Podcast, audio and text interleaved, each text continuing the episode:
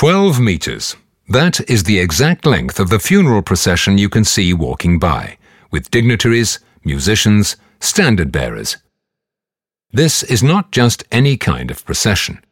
It is the funeral procession of Emperor Charles V, organised at the end of September 1558 on the streets of Brussels.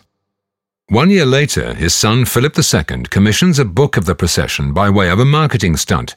He wants to show the world how impressive this self glorification of a funeral procession was.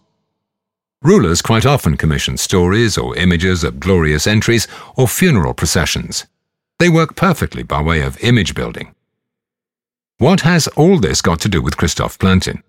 Well, even if he has only just started to work as a printer in 1559, he is already cooperating with this prestigious project.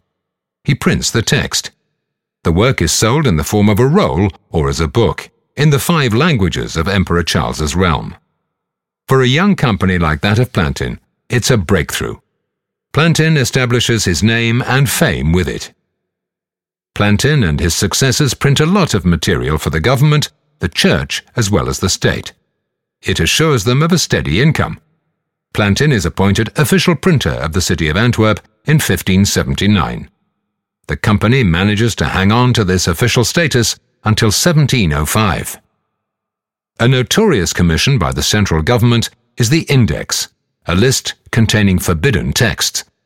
Plantin prints the index. It also sums up what Plantin himself is not allowed to print.